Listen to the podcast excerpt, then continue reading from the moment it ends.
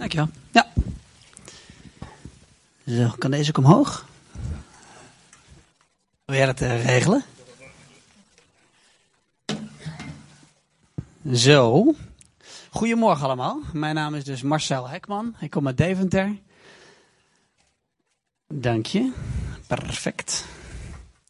En uh, heel lang geleden ben ik wel eens bij jullie in de kerk geweest. Was nog in het oude gebouw. Daar heb ik daar ook een keer gesproken. En nu, voor het eerst van mijn leven, sta ik te spreken in een bioscoopzaal. Vind ik wel heel leuk. Ik ben een beetje zenuwachtig. En dat is eigenlijk altijd heb ik dat als ik voor een nieuwe groep sta. Voor mensen die voor mij in ieder geval voor het grootste gedeelte nieuw zijn. Dan word ik een beetje, ja, een beetje wiebelig, een beetje zenuwachtig. Dus jullie mogen mij even helpen. Mag je allemaal eventjes zo je rechterhand omhoog steken. Zo. En doe je even naar voren zo. En dan gaan jullie me allemaal, als ik, als ik tot drie tel, collectief even een schouderklopje geven. Zo. Eén, twee, ja? Doe maar. Ja, dankjewel. En mag je me even nazeggen? Kom goed Marcel. Oké, mooi. Dat helpt mij. Want ik, als ik zenuwachtig ben, dan, uh, dan gaat mijn stem bibberen en zo. Dat is, nee. Dus ik vind het fijn dat jullie mij eventjes uh, zo geruststellen.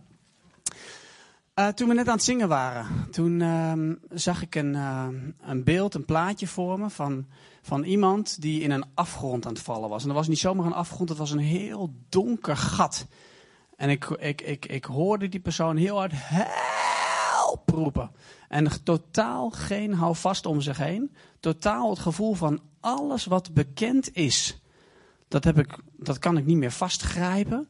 Ik ben helemaal overgelaten aan ik weet niet wat, ik val in een afgrond. En ik had het gevoel dat dat geldt voor iemand die hier aanwezig is. En als dat voor jou geldt, dan wil ik je vragen om zometeen, als het praatje afgelopen is, hier staat een kruis en er komt zometeen een gebedsteam en die gaan uh, voor mensen bidden. Die kunnen heel goed bidden en die willen graag met jou ook bidden.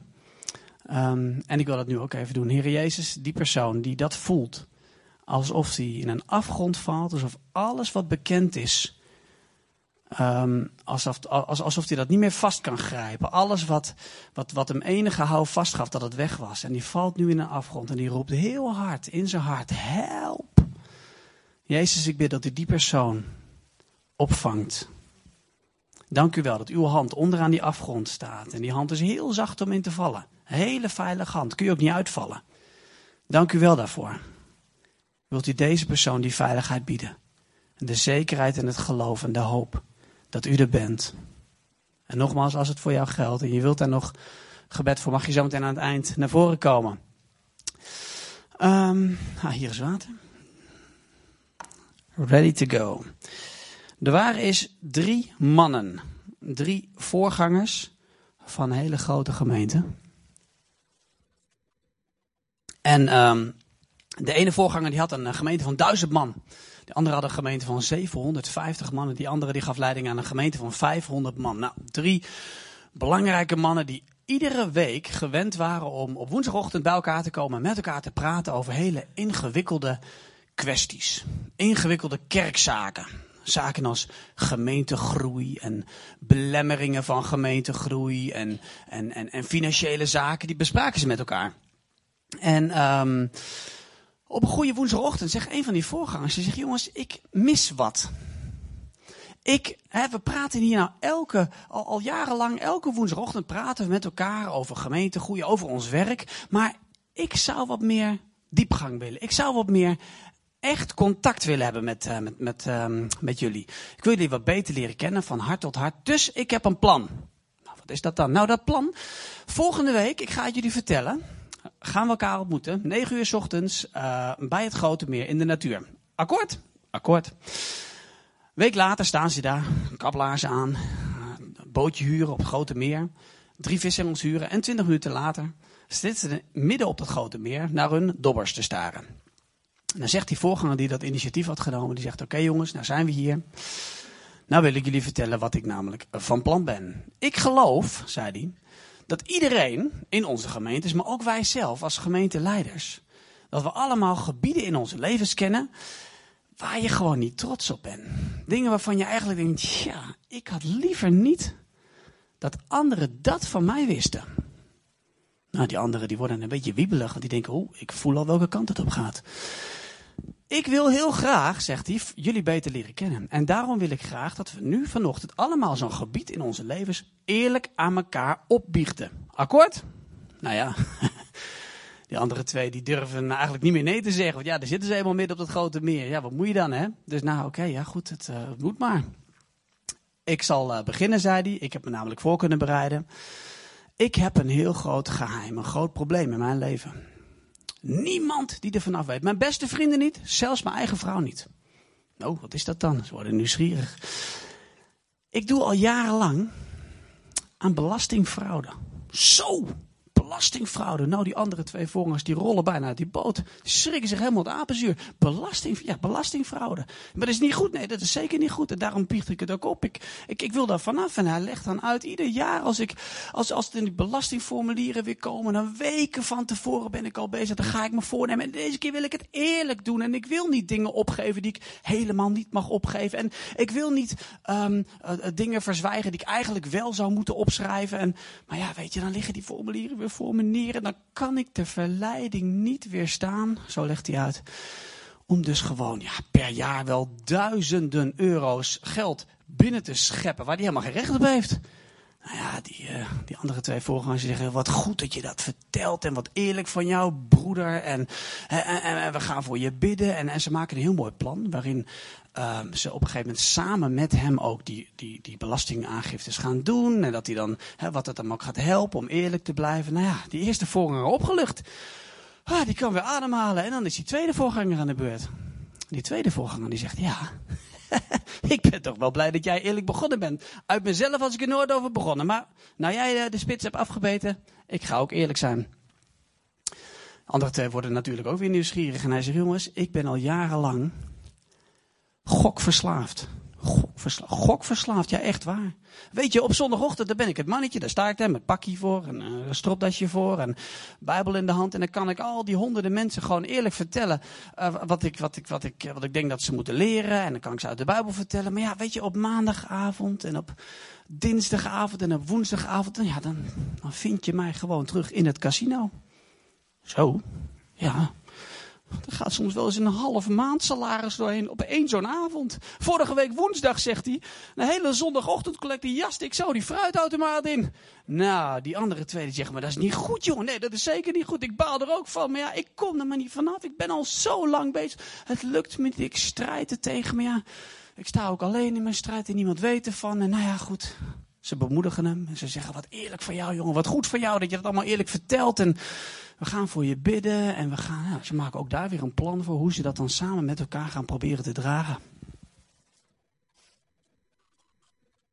En dan is die, uh, die derde aan de beurt. Maar die derde die zegt niks.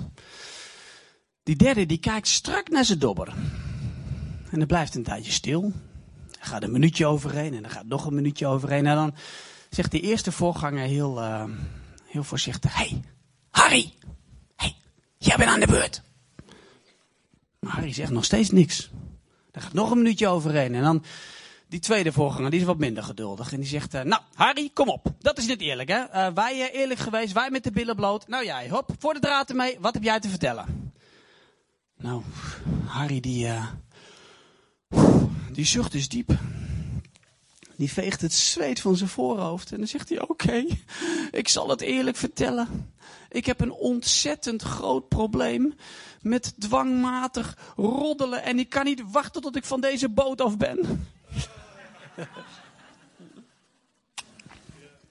nou, je zou zo iemand in je celgroep, in je kringgroep of je huisgroep hebben. Hè? Iemand die gewoon dwangmatig roddelt. Nou, waar ik het vandaag over wil hebben met jullie, dat is het onderwerp slechte gewoontes. Slechte gewoontes. Hoe ga je ermee om? Hoe kom je er vanaf? Dat is ook een goede vraag.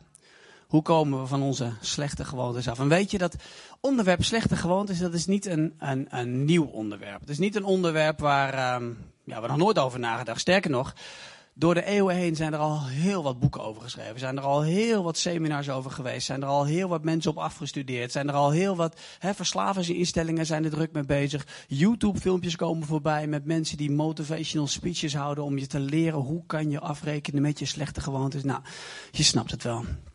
Zowel binnen als buiten de kerk een heel belangrijk onderwerp. Paulus had het er al over in Romeinen 7. Die hele bekende uitspraak. Weet je nog, dat, dat wanhopig klinkende. Datgene wat ik niet wil doen, dat doe ik juist wel. En datgene wat ik wel wil doen, dat doe ik juist niet. En dan zegt hij op een gegeven moment over zichzelf: ellendige ik. Hij noemt zich ellendige ik. Wie kent dat gevoel? Dat je over jezelf denkt: jeetje, doe ik het alweer? Ik zie één, ik zie acht, ik zie. Toch gelukkig. Ik dacht dat ik de enige was. Nee. Er zijn een heleboel mensen die dat kennen. Hè? Dat gevoel van ik wil zo graag stoppen met dat ene wat ik, wat ik eigenlijk voor had genomen om nooit meer te doen. Maar het gebeurt me, het overkomt me steeds weer. En dat kan gaan over gedrag. Het kan gaan over een bepaald soort gedrag waarvan je denkt van ja weet je, ik, ik, ik, ik doe zo mijn best. Hè? Um, oncontroleerbare woede. Ik ken mensen die hebben hun woede gewoon niet onder controle. Ze doen wat ze kunnen, wat ze geleerd hebben. Agressie, regulatie, trainingen. Ze hebben alles geprobeerd, boeken gelezen, maar het lukt ze niet om hun eigen woede, hun eigen emoties onder controle te houden. En nou is woede is iets heel aanwijsbaars, iets heel tastbaars, iets wat je kan zien, wat je kan horen. Hè? Maar je hebt ook gedragingen die wat, ja, die wat, wat, wat subtieler zijn, maar waar ook waar mensen mee worstelen. Dat ze denken, ik wil bijvoorbeeld mensen die bijvoorbeeld altijd maar aardig gevonden willen worden. Die heb je ook. People pleasers, weet je wat dat betekent? People pleasing? Dus, dus altijd maar bezig om de ander te behagen. Um, nooit eens recht door zee durven zijn. Nooit eens te durven confronteren. De people pleasers die, die kunnen ontzettend balen van hun eigen gedrag. Van jeetje, ik ben altijd maar die, dat vervelende in mij dat ik altijd probeer om aardig gevonden te willen, te, te willen worden. Maar eigenlijk baal ik gewoon van het gedrag van die ander. Het lukt me niet om daar gewoon, om gewoon eens eerlijk te zijn naar die ander. Ook dat, hè? Het lijkt misschien wat heiliger dan een woedeaanval, maar het is niet minder schadelijk hoor. Het heeft alle twee net zulke schadelijke effecten. En zo heb je een heel rijtje met gedragingen Waarvan mensen denken, ja, ik, ik zit daarmee. Ik wou dat ik het anders kon doen, maar het lukt me niet. Ik zit in een soort van patroon en dat gaat maar door. Denk aan verslavingen. Sommige mensen zijn aan alcohol verslaafd. Andere mensen zijn aan drugs verslaafd. Sigaretten, porno. Uh, bedenk het maar. Middelen, uh, whatever. Verslavingen. Hoe stop je daarmee? En ook daarover. Er zijn ontzettend veel dingen over geschreven. Maar hoe stop je ermee? Laten we de statistieken er eens bij pakken. Als we gewoon eens eventjes statistisch kijken en we kijken naar deze zaal. Hoeveel mensen zitten hier in deze zaal? 100? 150? iemand enig idee? 200 stoelen. Nou, dan zitten er wel 150 mensen hier. Nou, stel dat hier 150 mensen zitten. Misschien is het wel zo dat er van deze 150 mensen misschien wel 15 mensen zijn. Misschien wel 20 mensen zijn die meer drinken dan hun lief is. Dat kan. Vaak weten we dat soort dingen niet van elkaar, want weet je, dat, dat, dat zijn van die onderwerpen. Ja, dat, daar praat je niet zo heel makkelijk over als je zondagochtend komt met, met een kopje koffie. Hè? Misschien zijn er van deze 150 mensen wel, wel uh, ehm, 10 mensen die met enige regelmaat drugs gebruiken. Ook dat kan. Hoeveel gezinnen zitten er in deze, in deze gemeente? 60, 70 gezinnen? Minder, 50? Nou, laat me zeggen 50 gezinnen. 50 gezinnen in deze gemeente. Misschien zijn er van deze 50 gezinnen, misschien wel vijf gezinnen, waarin um, huiselijk geweld een thema is. Dat kan. Ook dat weten we heel vaak niet, want dat vindt zich af achter de voordeur, binnen de vier muren. Kan zo'n geheim zijn, hè? Misschien dat er van de 150 mensen wel, uh, wel, wel 50 of 60 mensen zijn die met enige regelmaat uh, porno kijken. Misschien ook wel dagelijks. Dat kan. Kunnen mensen echt aan verslaafd zijn. Ook dat is zo'n ding. Ja, het is een beetje een ongemakkelijk onderwerp. Daar praat je niet zo heel makkelijk over.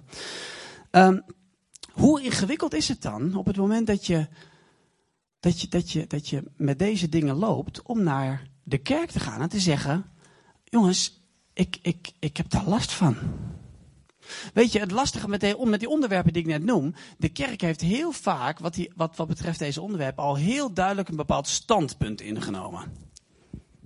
Te veel drinken is zonde. Porno is fout, is vies, is zondig. Drugs is niet goed.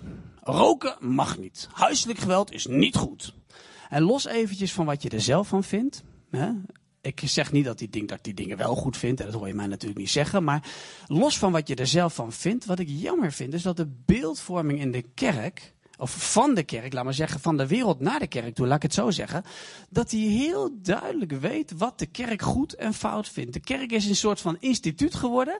Wat heel goed aan weet te wijzen. Dat is goed en dat is fout collega's van mij die de, die de Bijbel nog nooit hebben gelezen. Heel mooi boek, prachtig groot boek.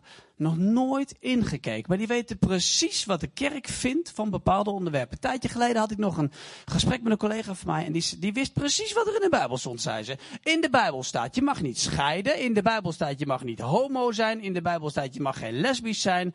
In de Bijbel staat, je mag geen euthanasie plegen. En in de Bijbel staat, je mag geen abortus plegen. Ik zeg, oh, Waar staat het dan precies? Want ja, weet je, eh, eh, ik weet dat er stukken in de Bijbel staan die, hè, die, waar, best heel duidelijk staat wat, wat, wat God vindt. Maar hoe, hoe heb je dat dan precies allemaal zo gelezen? Nou, dat staat gewoon in die Bijbel. En weet je hoe dat komt? Omdat de kerk heel duidelijk een, een, een, een positie ingenomen heeft. Zo zit het. Dat is goed en dat is fout. Dit mag niet en dat moet. Terwijl ik heel graag zou willen zien dat de kerk gezien werd als een plek, een warme plek, waar mensen mogen komen, waar ze de Heer Jezus mogen ontmoeten, waar ze heerlijk zoals vanochtend lekker aan het zingen zijn, waar je je ogen dicht mag doen en waar je gewoon Jezus mag ontmoeten. Dat de kerk een plek is waar je veilig mag voelen. Dat de kerk een plek is van ontmoeting in plaats van een plek waar je doorkrijgt. En dit is goed en dat is fout. Nou, ik ken deze gemeente, die is makkelijk praten voor mij. Ik heb geen idee. Maar um, ik zou graag willen dat de kerk anders werd. Als je geluk hebt, dan zit je bij een huisgroep, bij een kring. Hoe noemt, hoe noemt deze gemeente zulke groepen? Een leefgroep? Mooi, mooie naam. Een leefgroep. Nou, bij ons in de kerk heet het een quad. Een quad. Dat is ook een coole naam, hè? Een quad, dat is zo'n apparaatje met vier wielen, weet je wel. En dan het idee, als één zo'n wiel eraf zou vallen, dan heb je geen quad meer. Want dan gaat, dat ding mank, weet je wel. Nou, de, ons groepje, ik zit ook in een groepje met vier mannen. Wij zijn de quad. En de quad is dus een plek waar je gewoon met elkaar heel erg veilig uh, kan voelen. Uh, wat ik heerlijk vind, we komen één keer in de twee weken bij elkaar. Er zijn avonden waar ik echt naar uit kan, kan kijken. Ik heb een druk leven, maar daar hou ik altijd tijd voor. Want ik wil geen avond missen als we met elkaar bij elkaar komen, de ene keer dan gaat de Bijbel lopen, de andere keer niet. Heel vaak bidden we met elkaar. Meestal, bijna altijd, nee, altijd, praten we heel veel met elkaar. En we zijn heel eerlijk naar elkaar. We zijn eerlijk over onze levens. We zijn eerlijk over datgene waar we doorheen gaan. We praten van hart tot hart met elkaar. En wat ik geweldig vind, ik heb nog nooit een oordeel gehoord in die groep. Nog nooit. Nog nooit dat iemand tegen mij heeft gezegd: Ja, Marcel, jongen, wat je nou toch vertelt, dat is niet goed. Je moet je mee stoppen, dat is fout. Nee, dat weet, dat weet ik van mezelf van, van, van binnen ook wel. Weet je, toen ik gelovig werd, toen ik christen werd, kreeg ik de Heilige Geest aan de binnenkant van mij wonen. Die vertelt mij precies ook datgene wat goed is en wat niet goed is. Dus ik heb niet een quad nodig voor mensen die mij met de vinger aan gaan wijzen. Marcel, dat is fout. Dat is niet goed. Maar helaas heeft de kerk dat door de eeuwen heen heel veel gedaan. En heeft de kerk daarmee heel veel mensen beschadigd. Binnen het thema um, omgaan met je slechte gewoonten. Wil ik het vanochtend hebben met jullie over twee dingen.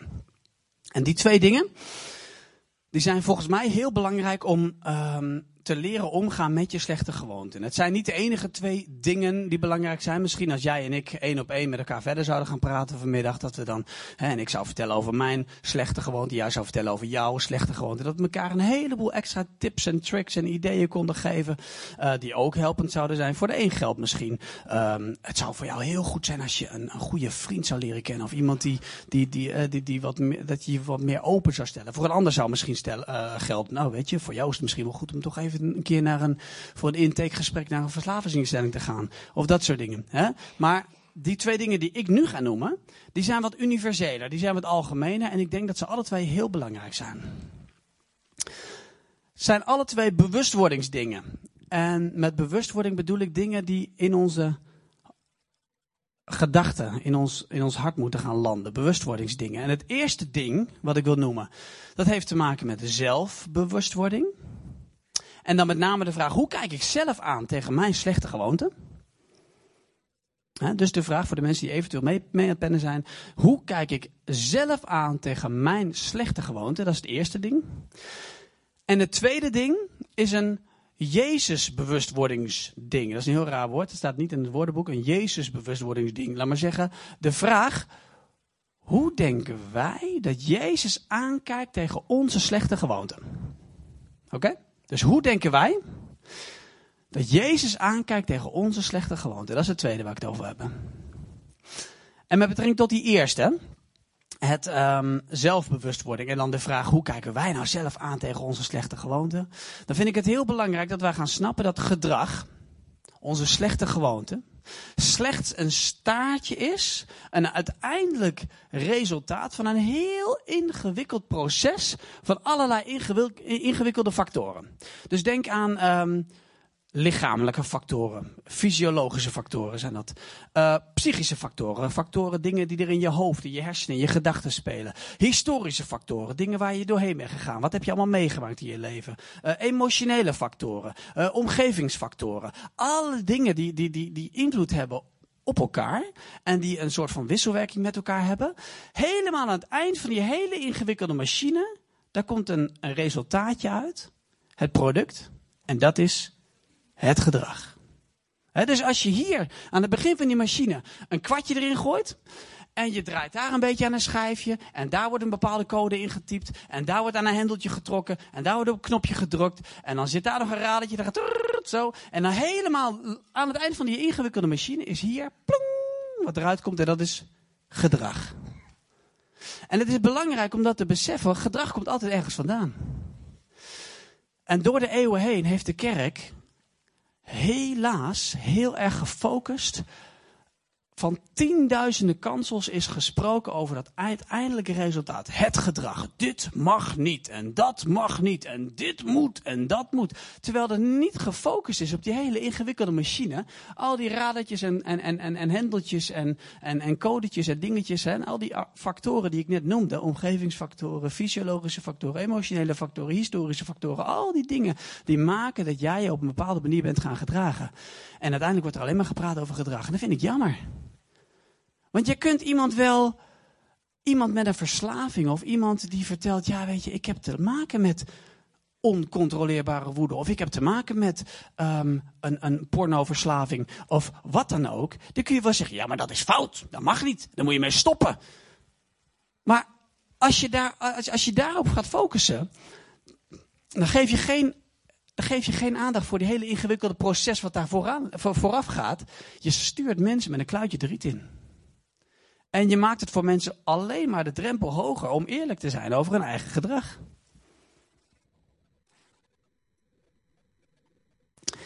Um, de kerk heeft door de jaren heen het woord discipelschap verward met het woordje behaviorisme. Behaviorisme is, het, is, het, is de, de, de psychologie van de gedragsverandering. Hè?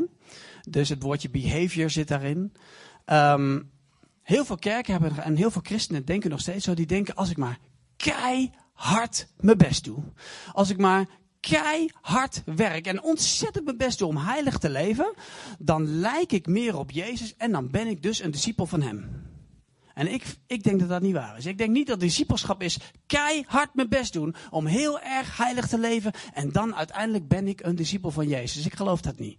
Ik denk, en ik hoop dat aan het eind van het verhaaltje dat je ook gaat begrijpen wat ik hiermee bedoel, um, dat discipelschap veel meer is met het hele gewicht van je hele leven, als het ware, hangen aan het kruis van Jezus. Totaal afhankelijk zijn van Hem. Je realiseren uit mijzelf, uit mijn eigen kracht, nee, daar kan, daar kan niet heel veel goeds komen. Ik heb de kracht van Jezus nodig. Discipelschap is doorspekt van het realiseren dat de kracht van zonde veel sterker is dan jouw wilskracht. De kracht van zonde, de kracht van slechte gewoonte is veel sterker dan jouw wilskracht. En ik denk dat een echt discipel van Jezus dat weet. En dus weet dat hij Jezus nodig heeft, dat hij de kracht van Jezus nodig heeft om goed gedrag in zijn leven te zien groeien. En ik zeg ook te zien groeien. je kent het voorbeeld toch wel van, van, van die appel en die appelboom. Die, appel, uh, die appelboom die, die, die, die krijgt op een gegeven moment bloemetjes en er komen vruchtjes aan. Dat worden appels. En ik heb nog nooit een appelboom ontmoet die... Plop! Dat daar in één keer door keihard persen of keihard eigen kracht, dat daar in één keer een appel hangt. Nee toch? Dat groeit. Goed gedrag groeit. Het is niet zo dat je ontzettend hard je best hoeft te doen als, als, als christen om goed gedrag te laten zien. Wat die appelboom doet, die is een appelboom. Die staat met zijn takken en zijn blaadjes volop in de zon. En die wacht tot de regen komt en de zonnestralen. En die haalt met zijn, met zijn wortels haalt hij de goede voedingsstoffen uit de grond. En die is gewoon een appelboom aan het zijn. En terwijl die dat is aan het zijn, groei je daar eigenlijk vanzelf, zonder dat hij er echt erg in heeft, groei je daar een hele lekkere, warme, mooie sap, nee niet warme, lekkere sappige appels aan. Ja. Oké. Hey, dus dat is ontzettend belangrijk. Om je te realiseren dat goed gedrag en ook slecht gedrag een resultaat van iets is. Ik wil een klein voorbeeldje geven uit mijn eigen leven. Dat gaat over een zaterdag, een tijdje geleden. Ik uh, was aan het werk. Ik werk in de crisisdienst van de hulpverlening. En dat betekent dat ik uh, heel vaak buiten kantoortijden, in het weekend, s'nachts, dat ik uh, oproepbaar ben voor allerhande situaties. En dat kunnen situaties zijn bij mensen thuis. Uh, heel vaak is het de politie die belt van, goh, we hebben, er is wat los, kun je even deze kant op komen? Ziekenhuizen bellen, hier is wat aan de hand, kun je even komen? Nou, ik werk in heel Twente, dus nou, ik kan knetter en stuiten druk zijn op zo'n uh, crisisdienstdag. Ontzettend mooi werk, geniet ervan, dus uh, je hoort me niet klagen. Maar die ene zaterdag was ik ochtends vroeg al begonnen. En um, ik moest de hele dag, tot en met zondagochtend, 9 uur, 24 uur lang. Heel vaak heb je dan wat geluk dat je, ja, dat je ergens nog een keertje kan gaan slapen. Of, uh, maar die dag leek het er niet op. Ik was ochtends al aan het werk gegaan en de meldingen kwamen maar binnen. En ik ging van hot naar her en ik was maar bezig. En het was inmiddels s'avonds laat en ik was nog steeds aan het werk. En het leek er ook niet op dat het een rustige nacht ging worden. Ik zat niet zo lekker in mijn vel die dag.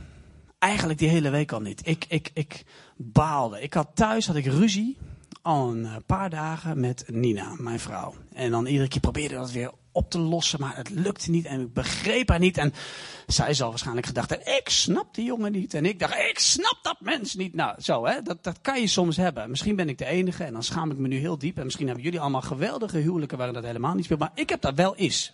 Ik heb dat wel eens. Niet zo vaak, maar ik heb het wel eens. Dat ik me gewoon echt, nou, zo. Daarnaast was er op mijn werk was er ook nog weer van alles aan de hand. Waarvan ik, um, ja, waar ik ook van baalde. Beleidsmakers die bepaald beleid hadden, uh, hadden bedacht achter hun, uh, achter hun uh, bureaus. Waarvan ik waar ik me helemaal niet in kon vinden. Terwijl ik op de werkvloer sta. En ik dacht van ja, ik wil het anders hebben. Dus ik probeerde invloed uit te oefenen op, op het beleid. Maar dat werkte allemaal niet zoals ik het wilde. En ik frustreerde me en ik baalde. En nou, dat, dat speelde ook nog mee. Dus ik had en thuis en op mijn werk waren de dingen los. Tot overmaat vooral moest ik die zondagochtend ook nog eens spreken in een kerk, een andere kerk. En het was zaterdagavond laat. Ik had nog geen notie waar ik het over moest hebben zondagochtend. En normaal dan bereid je dat voor en dan ga je natuurlijk, hè, dan ga ik op mijn zolderkamer zitten, Bijbel open, dan ga ik bidden. Heer Jezus, waar gaan wij het zondag met elkaar over hebben? In die kerk. Maar ja, weet je, uh, uh, niet dat ik het niet wilde, maar ik, ik, ik, ik, kon er gewoon niet toe, gaan, uh, toe komen om te gaan zitten en voor te bereiden. Dat, dat hing in mijn nek van, oh jeetje, dan kom ik zo meteen in zo'n kerk. Ik ken die mensen niet eens goed en dan, dan, dan ga ik daar. Ik heb nog geen idee waar het over moet gaan. De spanning die steeg. Thuis, op mijn werk en dan morgenochtend. En de nacht leek nog heel lang te worden. Misschien kreeg ik helemaal geen slaap, dat kan ook. Hè.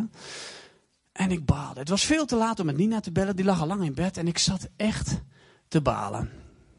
En wat ik deed die nacht, en dat is me wel eens vaker overkomen, dat heeft te maken met een bepaalde periode in mijn leven dat ik stevig gerookt heb. Ik dacht, weet je wat, ik koop een pakje sigaretten. Zoek het allemaal maar uit. Uh, misschien dat dat me op een of andere manier troost of hulp gaat geven. Dus ik stopte bij een benzinestation. Een pakje sigaretten graag. En ik steek een sigaret op. En ik dacht, nou, misschien helpt dat. Maar nee, in tegendeel. Ik voelde me alleen maar rotter. Ik dacht, oh nee. Ik had gezegd dat ik dat nooit meer zou doen. Dan doe ik het alweer. Nou zo. Dus ik baalde als een stier. Uh, die nacht ging door. Ik moest weer verder, volgende melding. En veel later die nacht, ik weet niet eens meer hoe laat het was, stond ik weer op zo'n parkeerplaats, weer zo'n sigaret te roken. En ik stond te klaar. Ik zei, oh Heer Jezus, ik snap er niks van. En thuis gaat het slecht en op mijn werk gaat het niet goed. En dan, en dan moet ik morgen spreken en dan sta ik iemand zo'n sigaret tussen mijn vingers. Ik baalde zo, joh, echt waar. Ik was wanhopig. Misschien kun je er een plaatje bij voor me. Ik voelde me echt wanhopig. En terwijl ik daar zo aan het snikken was en aan het roken was, voelde ik ineens, en ik kan het niet anders zeggen dan ik voelde in mezelf, in, in, me, me van binnen, voelde ik een stem en die zei, hé hey Marcel, hoe gaat het met je? En ik was verrast door die, door die warmte van die stem, door die liefde, door die, door die, hoe zeg je dat nou? Die, de interesse die ik voelde van, hey, ik, ik, had, ik voelde me zo slecht over mezelf. Ik was mezelf alleen maar aan het veroordelen geweest. Niet alleen die avond, maar al die hele dag en al die hele week, want ik voelde me zo rot over mezelf. Ik ik verdien niks. Als, als, als ik iets verdien, dan is het die hemelse honkbalknuppel die mij om mijn oren gaat meppen van Marcel, stomme idioot. Dat voelde ik van binnen. Maar, hé, hey, hoe gaat het met je? En ik voelde zoveel liefde. En zoveel warmte van binnen. Ik, was, ik werd er echt door geraakt. En ik wilde het net gaan uitleggen. Nou ja, u weet hoe ik me voel. En, en toen hoorde ik, nee, die golfde als het ware zo mijn hart binnen. Die tekst uit Jezaja 43. hey, ik heb je vrijgekocht. Je bent van mij. hey, ik heb je vrijgekocht. Je bent van mij. Moet je door het water gaan? Ik ben bij je. Door rivieren? Ze zullen je niet meesluren. Door het vuur, het zal je niet verteren. Ik, de Heer, ik ben jouw God. Je bent kostbaar in mijn ogen. Ik heb jou zo lief. Wees niet bang, want ik ben bij je. Dat, het, het, golfde als het ware over me heen. Ik was diep geraakt, dat kan ik wel zeggen. Kippenvel over mijn hele lichaam. Ik dacht, oh, hij veroordeelt me niet. Hij houdt van mij. En daar waar ik mezelf constant had veroordeeld over mijn eigen gedrag en mijn eigen, waar ik doorheen ging, hij veroordeelt me niet. Hij is vriendelijk. Die vriendelijkheid die ik hoorde, niet te filmen. Echt waar. Ik was, ik werd echt geraakt. En weet je, in, binnen een flits van een seconde zag ik in één keer heel scherp waar ik Nina niet had begrepen en waar ze mij niet had begrepen. In één keer zag ik het allemaal wel.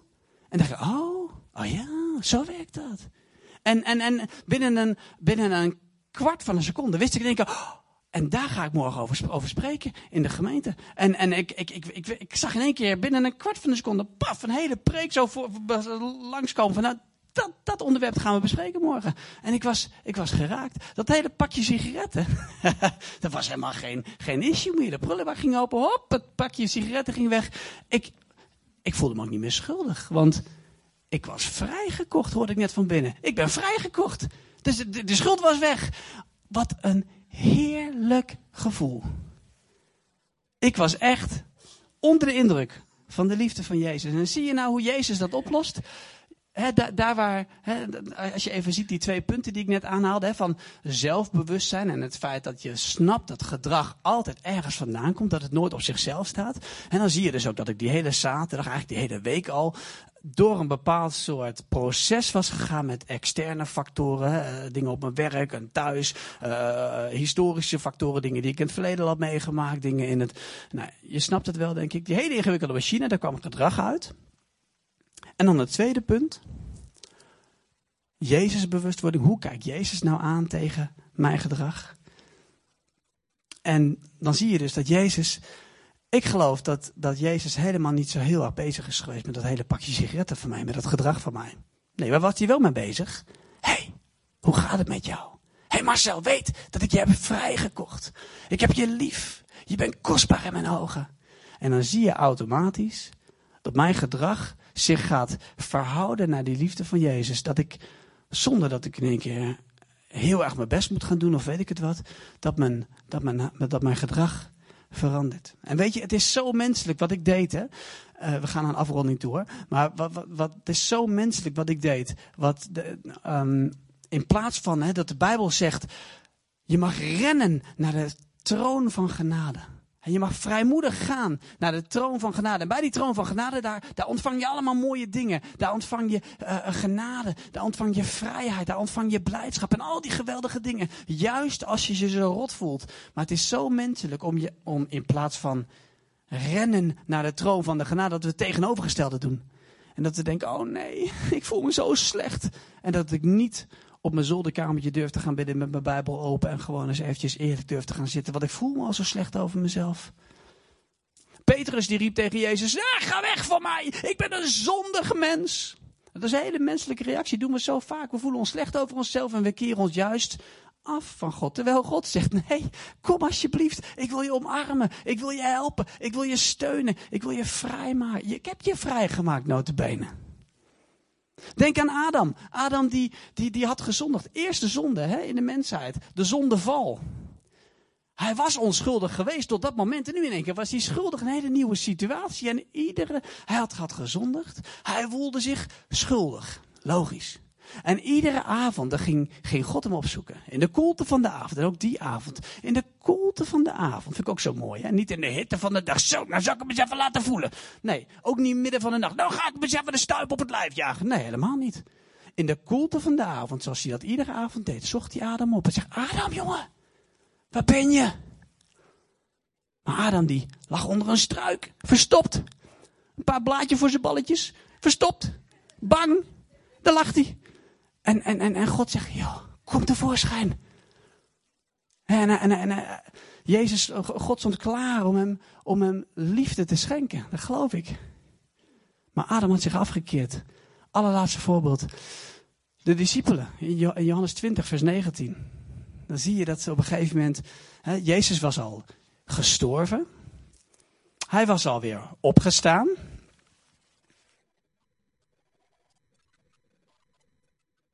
Maar de discipelen, eh, de vrouwen hadden hem ondertussen al gezien. Hè? Die hadden gezien dat Jezus weer, uh, weer, weer opgestaan was. Hadden het ook gezegd tegen de discipelen. Maar de discipelen, de meeste van hen, die geloofden het nog niet echt. En die zaten er met z'n allen in zo'n kamer.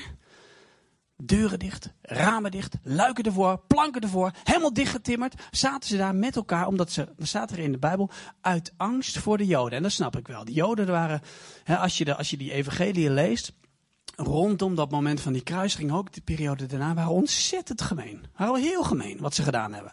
Moet je maar eens lezen. Die, die, die, die, eh, de discipelen van Jezus waren ontzettend bang. Zaten daar met elkaar in die kamer. Ik denk dat ze bang waren, maar ik denk dat er ook een stukje schaamte speelde. Petrus bijvoorbeeld, hè? we kennen het verhaal toch? Met de haan, weet je nog, drie keer hem verlogend. Ik ken die man niet. Nee, ik heb geen idee wie dat is. Nee, die ken ik echt niet hoor. Zo, dat, dat was Petrus, zijn eigen vriend notabene, zijn beste vriend, gewoon verlogend. Of de discipelen met, met, de, met, met de Heer Jezus in de hof van Gethsemane, een avond daarvoor. He, dat, dat, dat, dat, Jezus zei, jongens, blijf nou wakker met mij. Alsjeblieft, bid met mij. Ik heb jullie nodig. Ik ga even 50 meter verderop daar even bidden. Heer, blijf wakker, bidden. En wat doen ze? Vallen in slaap. Tot drie keer toe. Vallen gewoon in slaap. Nou, geen heldenverhalen meer daar in die afgesloten ruimte. Ah, jongens, eh, weet je nog toen en weet je nog toen we dat deden en toen, toen we dat zeiden. Nee, echt niks meer van dat. Geen heldenverhalen. Ze schaamden zich. Ze waren bang. En ze zaten daar in die afgesloten ruimte. Deuren op slot, ramen dicht, luiken dicht, planken ervoor. Helemaal potdicht. En dan ineens staat Jezus in hun midden. He walks through walls. Midden in die kamer. Hij houdt zich even helemaal niet meer aan het principe van, zie ik sta aan de deur en ik klop en ik wacht tot je de deur... Nee, helemaal niet. Hij staat gewoon ineens midden in die ruimte. En wat doet hij? Zo jongens, ga maar even zitten. Dan gaan we even een heel ernstig woordje met jullie spreken. Nee, gelukkig niet. God zij dank niet. Wat doet hij wel? Hij spreekt één woord, shalom. Vrede. En ik geloof dat als je in zijn ogen keek, dat je de liefde, dat hij er als het ware uitgolfde.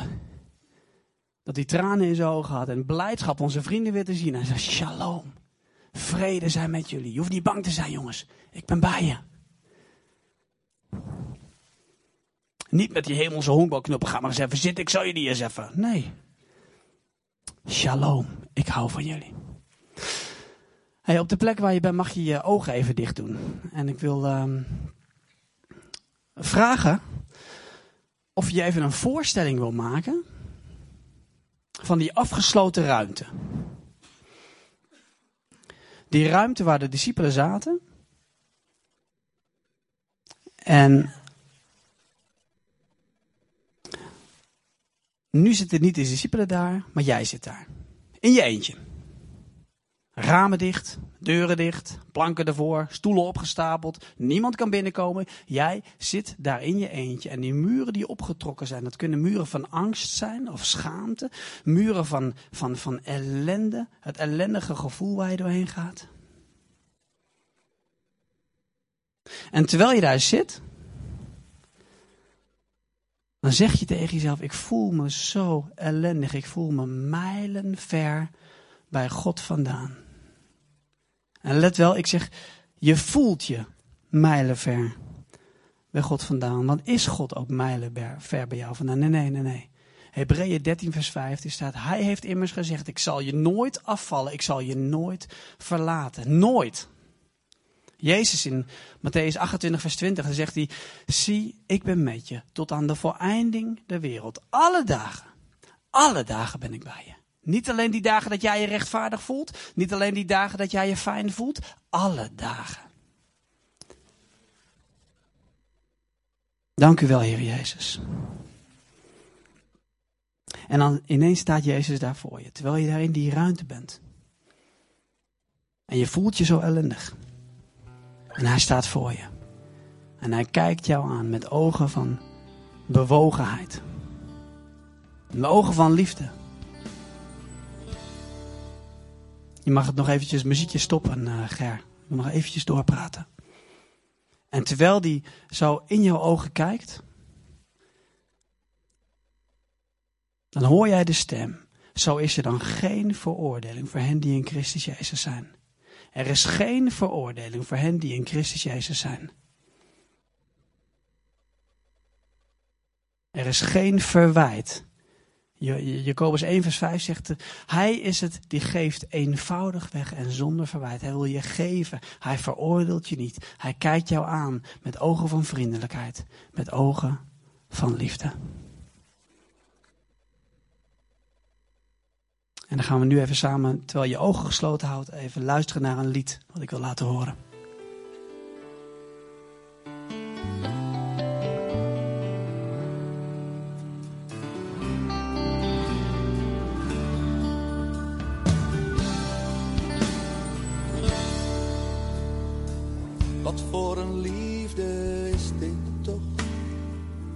Zoveel fout en even goed nog is hij zo blij en positief.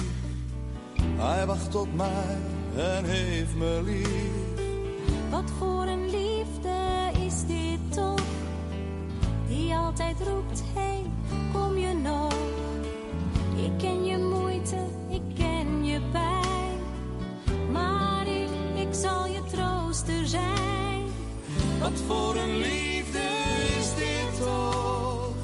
hoe moeilijk het ook is, even goed nog. Van geen opgeven weet, altijd doorgaat en mij nooit vergeet. Wat voor een liefde is dit toch? Hoe moeilijk het ook is, even goed nog. Van geen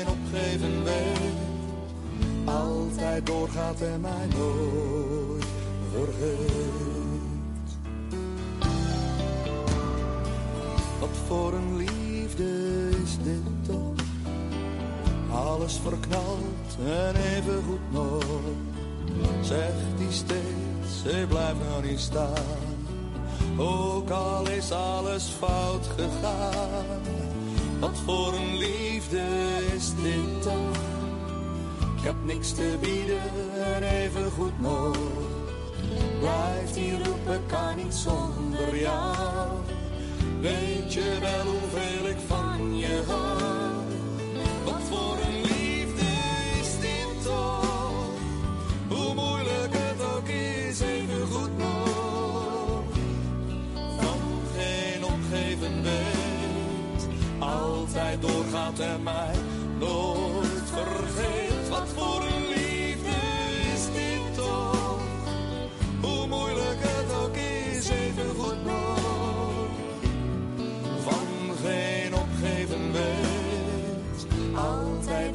Doorgaat en mij nooit vergeet.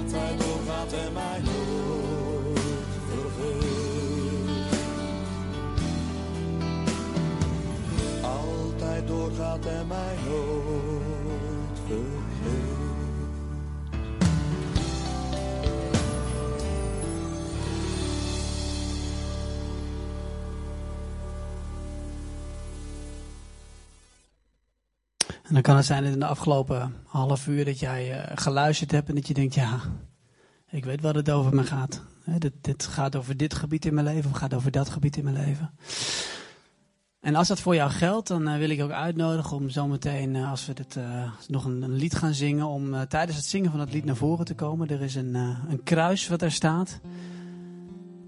En dat kruis, bij dat kruis, en je kent het symbool, daar geeft Jezus aan, hey, ik neem alles over wat jou ontzettend bedrukt. En ik geef jou daarvoor terug al die goede dingen. En dan mag je zo meteen tijdens het volgende, nou, tijdens het volgende lied mag je naar voren komen. Er komt een gebedsteam te staan. Er zijn mensen die kunnen heel goed bidden. En die mensen, ik wil ze ook vragen om niet te veel focussen op het gesprek over gedrag en over gedragingen, maar vooral die liefde uit te delen. Vooral namens Jezus te spreken dat hij van, van, dat, dat hij van de mensen houdt. Want de, prioriteit van God is zeker niet om, ons, om van ons perfecte, eh, perfect gedragende mensen te maken. Dat is Jezus' prioriteit niet. Zijn prioriteit ligt daarvoor nog. Hij wil jou van hart tot hart kennen. En goed gedrag volgt vanzelf, net als die appelboom, weet je het nog? Oké, dus tijdens het volgende lied mag je naar voren komen bij de mensen van het gebedsteam.